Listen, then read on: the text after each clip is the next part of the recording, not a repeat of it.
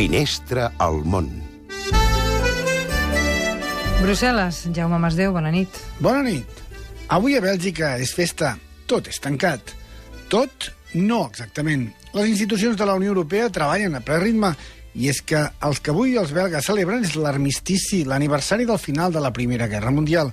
I és clar, gran celebració per Bèlgica i per d'altres països, però com diu en privat un funcionari europeu, la Unió Europea no pot celebrar la derrota d'un dels seus estats membres.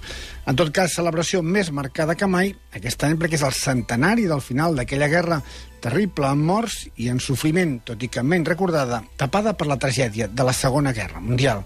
Actes a Brussel·les, també els mortífers camps de Flandes, a Ypres, i allí en presència dels ambaixadors de França, del Regne Unit i també d'Alemanya, inclouen visita als tres cementiris que hi ha, el francès, el britànic i l'alemany, fa 100 anys justos que va acabar aquella guerra.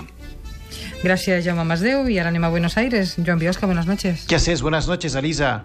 Els veïns del barri de Belgrano, d'aquí de Buenos Aires, estan en peu de guerra després que l'alcalde de la ciutat hagi decidit canviar els carrers antics empedrats per les més còmodes vies asfaltades. El cas ha anat de menys a més aquí a la premsa argentina al presentar denúncies judicials i empares davant dels tribunals un col·lectiu anomenat Basta de Demoler, que lluita per tal de protegir i mantenir el patrimoni històric de la ciutat.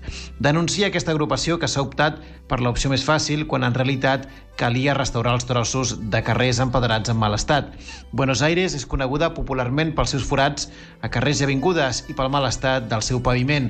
En una lluita, doncs, de David contra Goliat, uns veïns lluiten per evitar que l'asfalt acabi amb la història.